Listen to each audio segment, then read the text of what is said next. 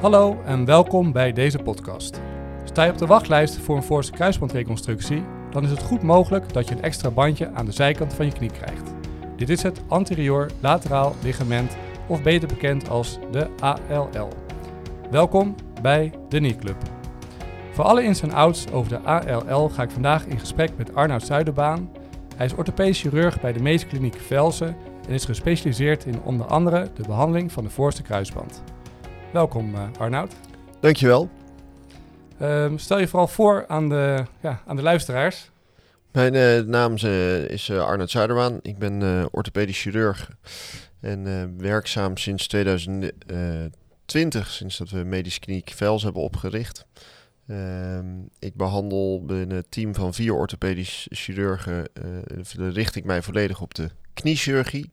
Zo bij patiënten, jonge sporters met sportletsels van de knie, als patellofemorale problemen, als eh, patiënten met vroegtijdige artrose, als artrose, eh, waarbij we protheses eh, plaatsen met, eh, sinds kort met eh, robotchirurgie.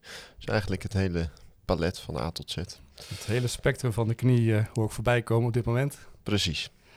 Um, vandaag is het onderwerp de ALL. Uh, eh, op zich denk ik een interessant onderwerp en ook een van de onderwerpen of uh, onderdelen van als je kijkt naar de voorste kruisbandchirurgie, dat uh, teruggrijpt naar helemaal het begin.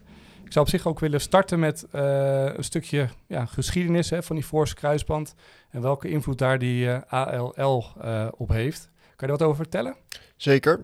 De ALL is het anteriore lateraal ligament is eigenlijk een hot topic binnen de kruisbandchirurgie. En dat komt eigenlijk doordat in 2013 de Belgische collega's, met name Steven Klaas, daar een belangrijke paper over heeft gepubliceerd. Wat heel veel media-aandacht heeft gekregen. En uh, dat uh, de chirurgen een nieuw bandje in de knie hadden ontdekt. Aan de buitenkant van de knie. Dat was eigenlijk uh, niet zo nieuw, eh, was dat. Want dat was al veel eerder beschreven. Uh, ik meen dat dat al ergens in de jaren 30 ook was beschreven door wat anatomen. Um, maar er was eigenlijk niet zoveel aandacht voor, uh, is daar meer aan uh, besteed. Dus een beetje in de vergetelheid geraakt. En um, dat nieuwe bandje, dat, wat Klaas toen in 2013 in zijn paper beschreef, dat, dat heeft veel aandacht gekregen. Omdat dat een belangrijke stabilisator blijkt te zijn van de buitenzijde, dus aan de laterale zijde van de knie. En als je je voorste kruisband scheurt, um, dan is dat van belang. Want um, de voorste kruisband voorkomt niet alleen dat het scheenbeen naar voren gaat, maar die heeft ook een hele belangrijke stabiliserende functie voor de buitenkant. Dus hoe stabieler die buitenkant, hoe beter je kruisband functioneert. Nou, als dat bandje dan kapot is, dan heeft dat wel degelijk, kan dat van invloed zijn op het functioneren van de kruisband. Ja, vooral op de rotatie uh, dus duidelijk. Ja. Um, en dan, dan heb je het over het bandje, maar wat is dan eigenlijk die ALL? Wat is dat voor een bandje?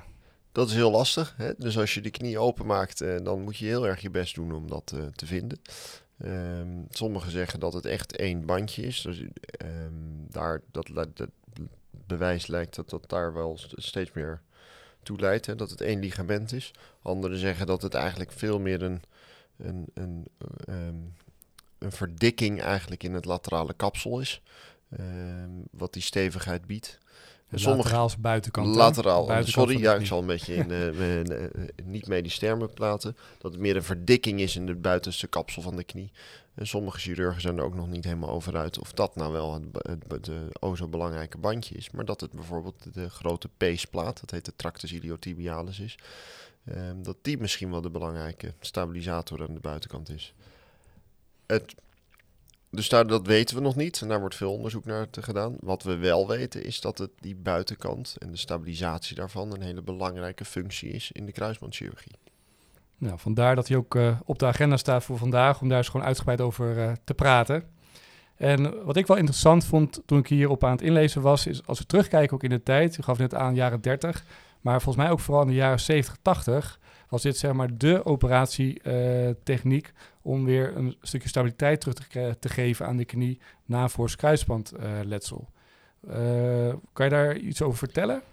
Ja, dat was, uh, dat was in de tijd dat ik er nog niet was. Maar um, wat ik daarvan heb begrepen is dat je um, dat er toen al, en met name in Frankrijk was dat veel, werd er veel aan die buitenzijde extra geopereerd als er kruisbanden werden gedaan.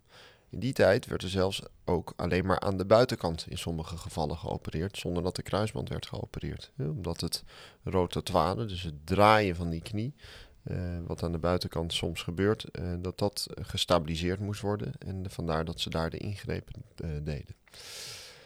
Dat is toen op een of andere manier is dat een beetje in de vergetelheid geraakt. Ehm, in de jaren, ja, de jaren 70, 80. En um, zijn er geen grote studies eigenlijk meer naar gedaan. En wat had het niet zo'n zijn aandacht. Tot in 2013 die paper van Klaas en zijn collega's uitkwam. En werd het nieuwe bandje beschreven en werd er weer volop aandacht aan besteed van wat nou precies de rol is van die buitenste structuur in de knie bij de kruisbanden die worden vervangen. Dus zoals je zegt, eigenlijk weinig aandacht, dus ook waarschijnlijk geen idee over resultaten uh, van toen. Iets wat niet goed, nee, het, werd niet goed, het werd niet goed opgeschreven, niet goed gerapporteerd toen.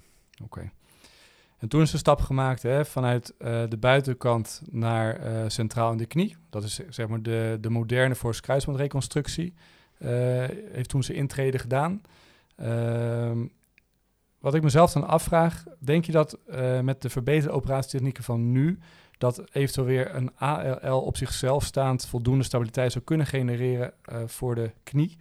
En dat zeg maar die centrale uh, voor kruisbandreconstructie eventueel weer achterwege gelaten kunnen worden?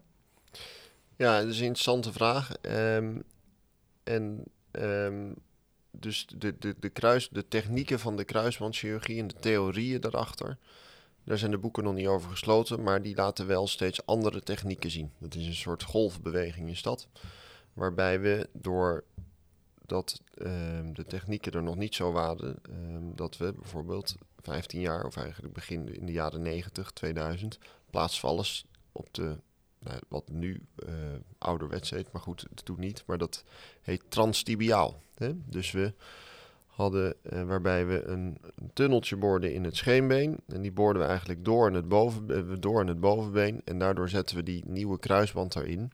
Die kruisband stond best wel horizontaal, en die kruisband werd geplaatst in de knie, die nieuwe, waar niet de originele kruisband heeft gezeten. Nou, doordat dat niet de originele positie was, bleef je, en dat die vrij uh, um, verticaal eigenlijk stond, die, uh, die nieuwe kruisband, bleef je heel makkelijk draaien. Je kan je voorstellen als je je scheenbeen hebt in je bovenbeen en recht een bandje daartussen zet, dat je nog steeds die twee wel om elkaar heen kan laten draaien. Terwijl als je naar de anatomische positie gaat, wat we tegenwoordig doen, dat we de kruisband plaatsen op de plek waar de originele kruisband hoort te zitten, doordat we dat nu beter kunnen doen met de huidige technieken. Daardoor zit hij wat schuiner in de knie. En je kan je voorstellen als je een schuine verbinding hebt, dat die twee botten moeilijker om elkaar heen kunnen draaien. Dus daardoor nam de rotatoire, dus de draaiinstabiliteit van die kruisband, nam af. Of van de, van de knie nam af. Toch zie je in een, de literatuur zegt in zo'n 10% van de gevallen, dat ook al plaats je die kruisband goed, kan je nog steeds blijven draaien. Dus het scheenbeen kan nog steeds naar binnen blijven draaien van het bovenbeen. En dat is juist de groep patiënten waarbij zo'n laterale of zo'n procedure, zo'n aan de buitenkant, zo'n bandje aan de buitenkant, uh, van ALL-plastiek of een laterale tenodese of een Lemaire-plastiek. Het zijn allemaal verschillende namen eigenlijk voor dezelfde type ingreep. Um, zorgt ervoor dat die rotatoire, dus die draaiinstabiliteit, afneemt. Om op je vraag terug te komen, zou dat voldoende zijn om alleen dat te doen? Alleen een plastiek aan de buitenkant uit te voeren en de hele kruisband niet te behandelen? Nee, dat is niet voldoende. Want je voorste kruisband heeft twee functies. Ten eerste voorkomt hij dat je scheenbeen naar voren schuift ten opzichte van het bovenbeen. Nou, dat kunnen we heel goed oplossen met een nieuwe kruisbandreconstructie. Alleen de draaiinstabiliteit, daarvoor doen we die band, buitenbandplastiek of die AOL-reconstructie. Om te voorkomen dat het scheenbeen naar binnen draait ten opzichte van het bovenbeen. Want daar moet het, de, daar, dat is ook de tweede belangrijke functie van de kruisband. Dus alleen, het of alleen de AL-reconstructie, dat is te weinig.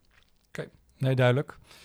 Um, we hebben het uitgebreid over de functie nu gehad. Hè? De rotatie is uh, belangrijk. eh, om, om te stabiliseren van zo'n ALL. Ehm, maar hoe weet je nou eigenlijk of die ALL ook gescheurd is? Hoe kan je daarachter komen?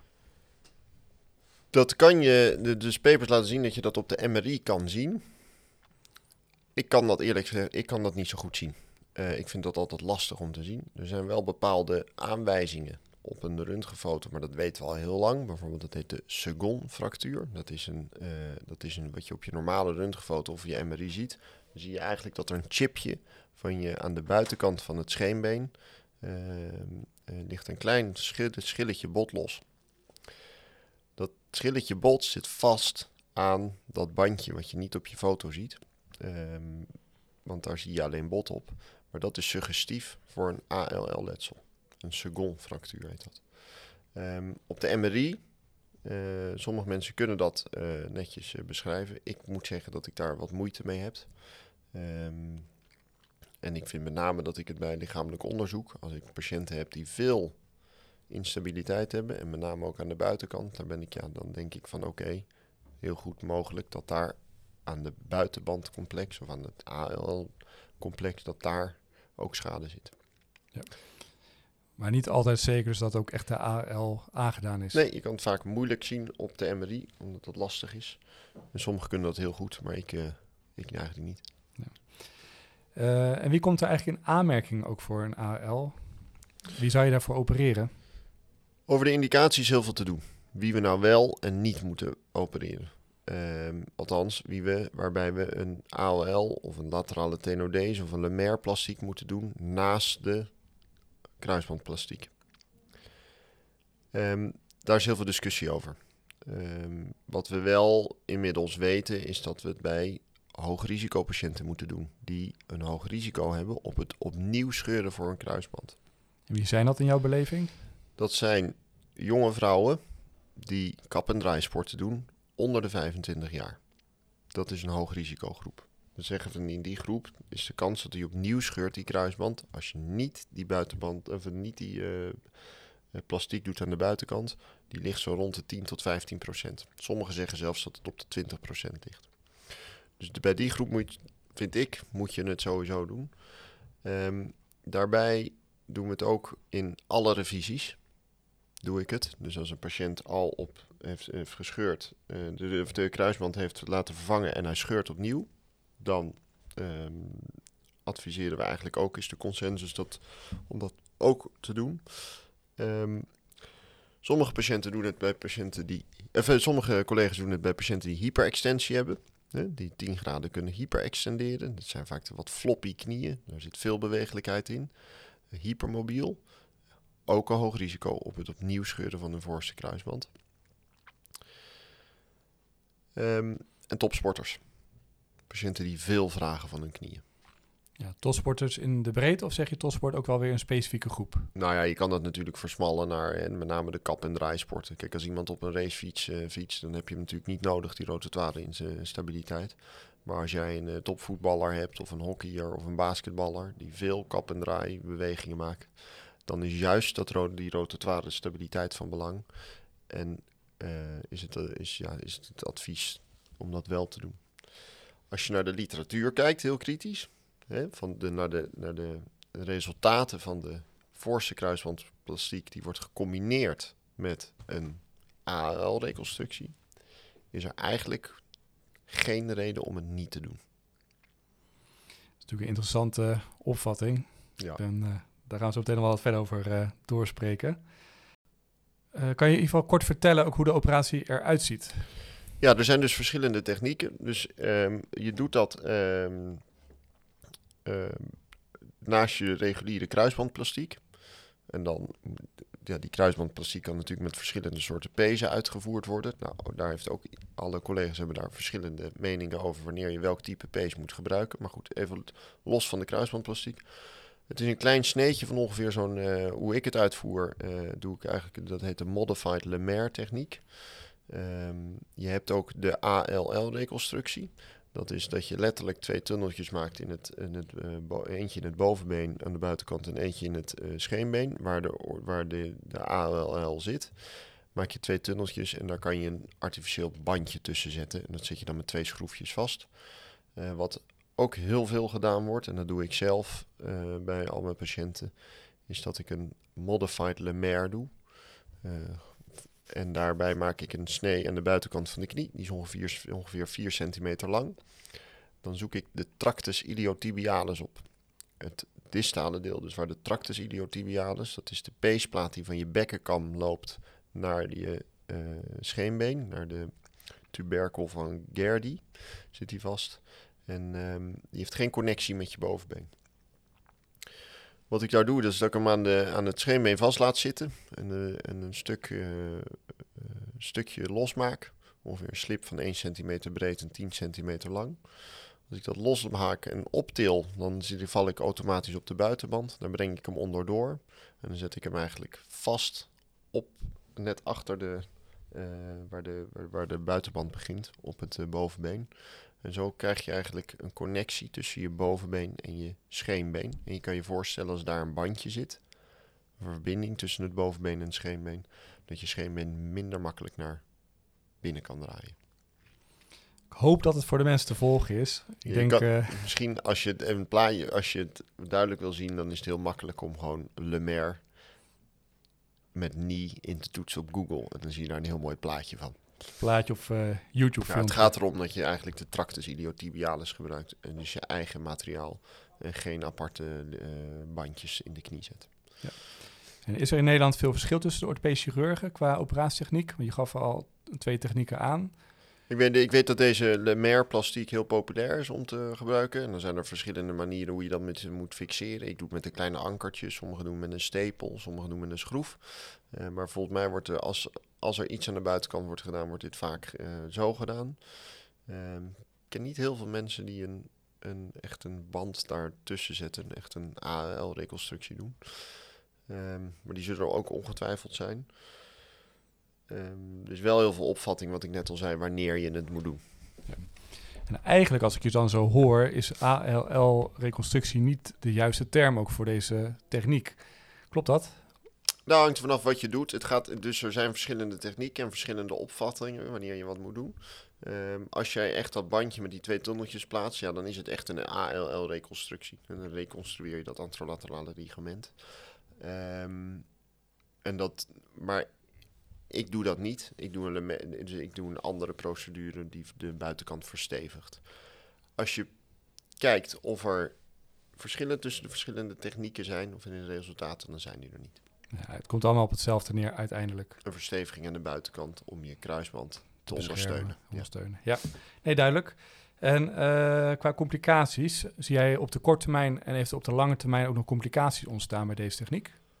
Nou, oh, dit, dit is, dit is een belangrijk verhaal. Het nadeel daarvan is dat je een extra wond maakt aan de buitenkant. Je maakt daar sowieso altijd een sneetje aan de buitenkant om de tunnel van je, eh, je femorale tunnel te boren, van het bovenbeen, om je kruisband doorheen te trekken. Dus er zit sowieso altijd litteken. Dat wordt wat groter. Normaal is dat, dat, is, dat is dat een steekgaatje van 1, 1,5 centimeter. Dat wordt nu een littekentje van 4. Ja, bij elke wond eh, heb je weer risico's op infectie of eh, bloeding. Dus dat, eh, je ziet wel eens wat eh, eh, wondinfecties eh, optreden daar. Niet veel moet ik zeggen. En ze zijn vaak goed behandelbaar met antibiotica. Maar goed, liefst heb je natuurlijk helemaal geen complicaties. Maar dat is een nadeel. Op de lange termijn zie ik eigenlijk geen problemen van. Ehm, er is een wat vrees over dat je hem te strak er neerzet. En dat je ehm, eigenlijk het, eh, het laterale of de buitenkant van de knie te strak maakt. Ehm zijn sommigen angstig voor. En dat dat leidt op de lange termijn tot kraakbeenschade. Nou, daar hebben ze heel veel biomechanische studies naar gedaan. En dat laat het eigenlijk niet zien dat het tot een overconstrainment, heet dat, van de buitenkant van de knie ehm, ehm, eh, laat zien. En ja, de, er is ook nog geen literatuur die laat zien dat dat dan tot toename van artrose doet leiden. Nog te kort dat we deze Het procedure is te uitvoeren. kort en de biomechanische studies tonen aan dat het eigenlijk niet zo is. Niet. Nee. Dus de vooruitzicht dat deze techniek goed gaat helpen is eh, positief. Ja, en dat Zo, zien we in de huidige resultaten al terug. Ja, nou mooi. En qua, eh, qua beleid, orthopedisch beleid, wat je eh, meegeeft aan patiënten, hoe zien die eerste bijvoorbeeld zes weken eruit? Niet anders dan de reguliere kruisbandreconstructie. Geen brace, wel brace? Nee, voor mij geen brace. eh drukverband voor twee dagen. Ehm, ehm, en gewoon het normale vo- voorste kruisbandprotocol. We weten dat die patiënten wel ietsjes meer pijn krijgen de eerste zes weken. En na zes weken zien we geen verschillen meer. En heeft dat verschil tussen eh, de collega's? We zien natuurlijk ook wel eens mensen voorbij komen die wel een brace meekrijgen of die een restrictie krijgen van eh 70 graden, eh 60 graden. Eh, kan je daar wel iets over zeggen of eh, waarom zij kiezen voor dat beleid? Ja, om die misschien iets meer te beschermen, misschien die wond wat rust te geven. Ehm, ik zie daar geen indicatie voor dat je dat moet beschermen met een brace. Daar geloof ik niet zo in. Geen meerwaarde. Nee. Eh, en kijken we naar de lange termijn, vooral eh, waar het meeste patiënt over gaat, is eh, de return to sport of return to, to, to performance.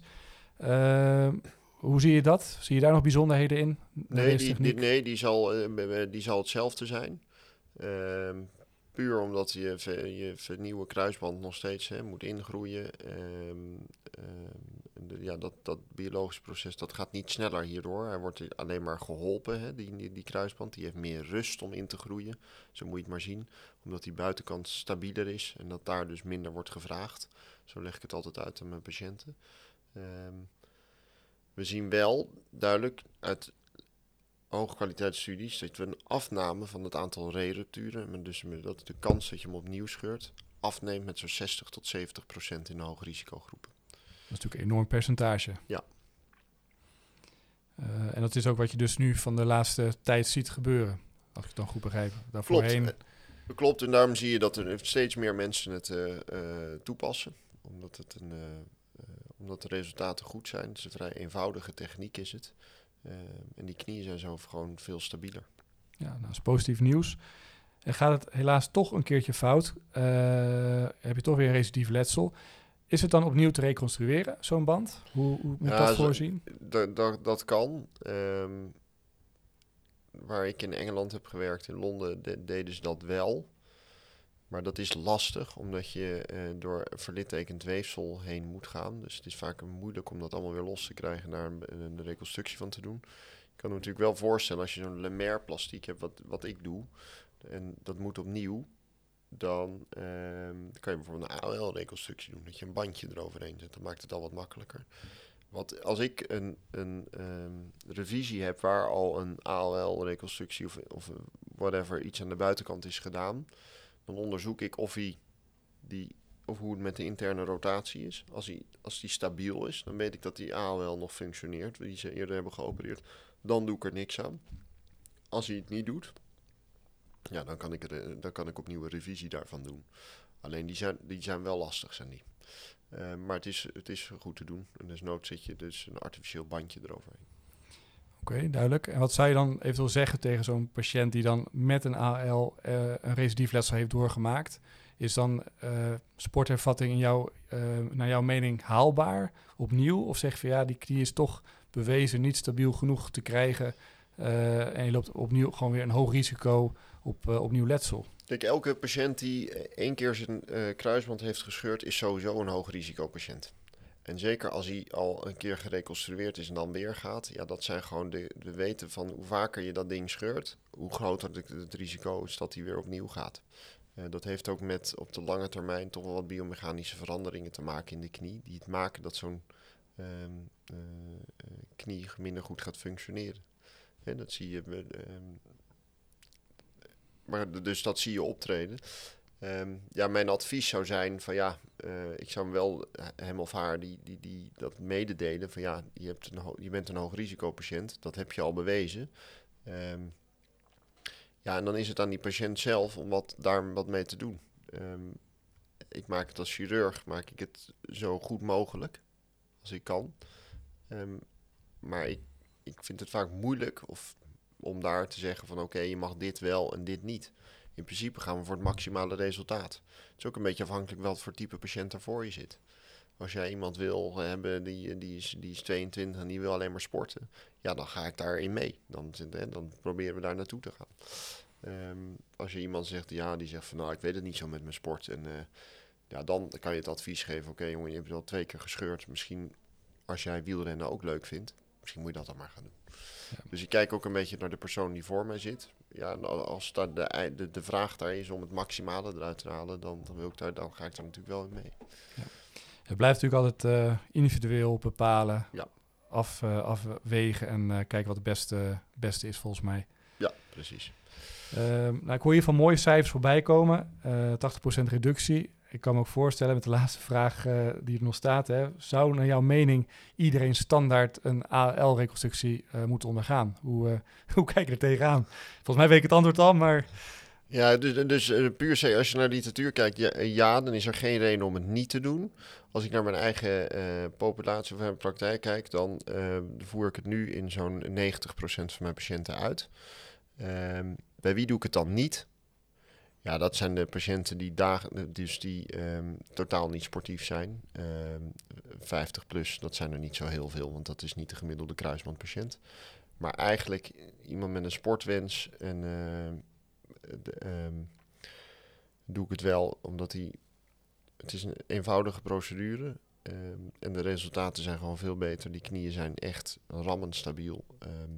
Dus ik zie geen reden om het niet te doen eigenlijk. Duidelijk. Deze vraag zijn we aan het einde gekomen van deze podcast. Uh, de Force Kruisband is en blijft natuurlijk een interessant onderwerp en we kunnen er nog uren over doorpraten. Helaas is de tijd beperkt. Ik wil je in ieder geval hartelijk bedanken voor je bijdrage zeer interessant en verwacht dat uh, patiënten het ook uh, mooi vinden en ja, fijn vinden om naar te, naar te luisteren. mocht je zelf je kuisband hebben gescheurd en op zoek zijn naar informatie, kijk dan in ieder geval op Arnoud Zuiderbaan zijn website, is arnoudzuiderbaan.com of op de In ieder geval bedankt. Graag gedaan.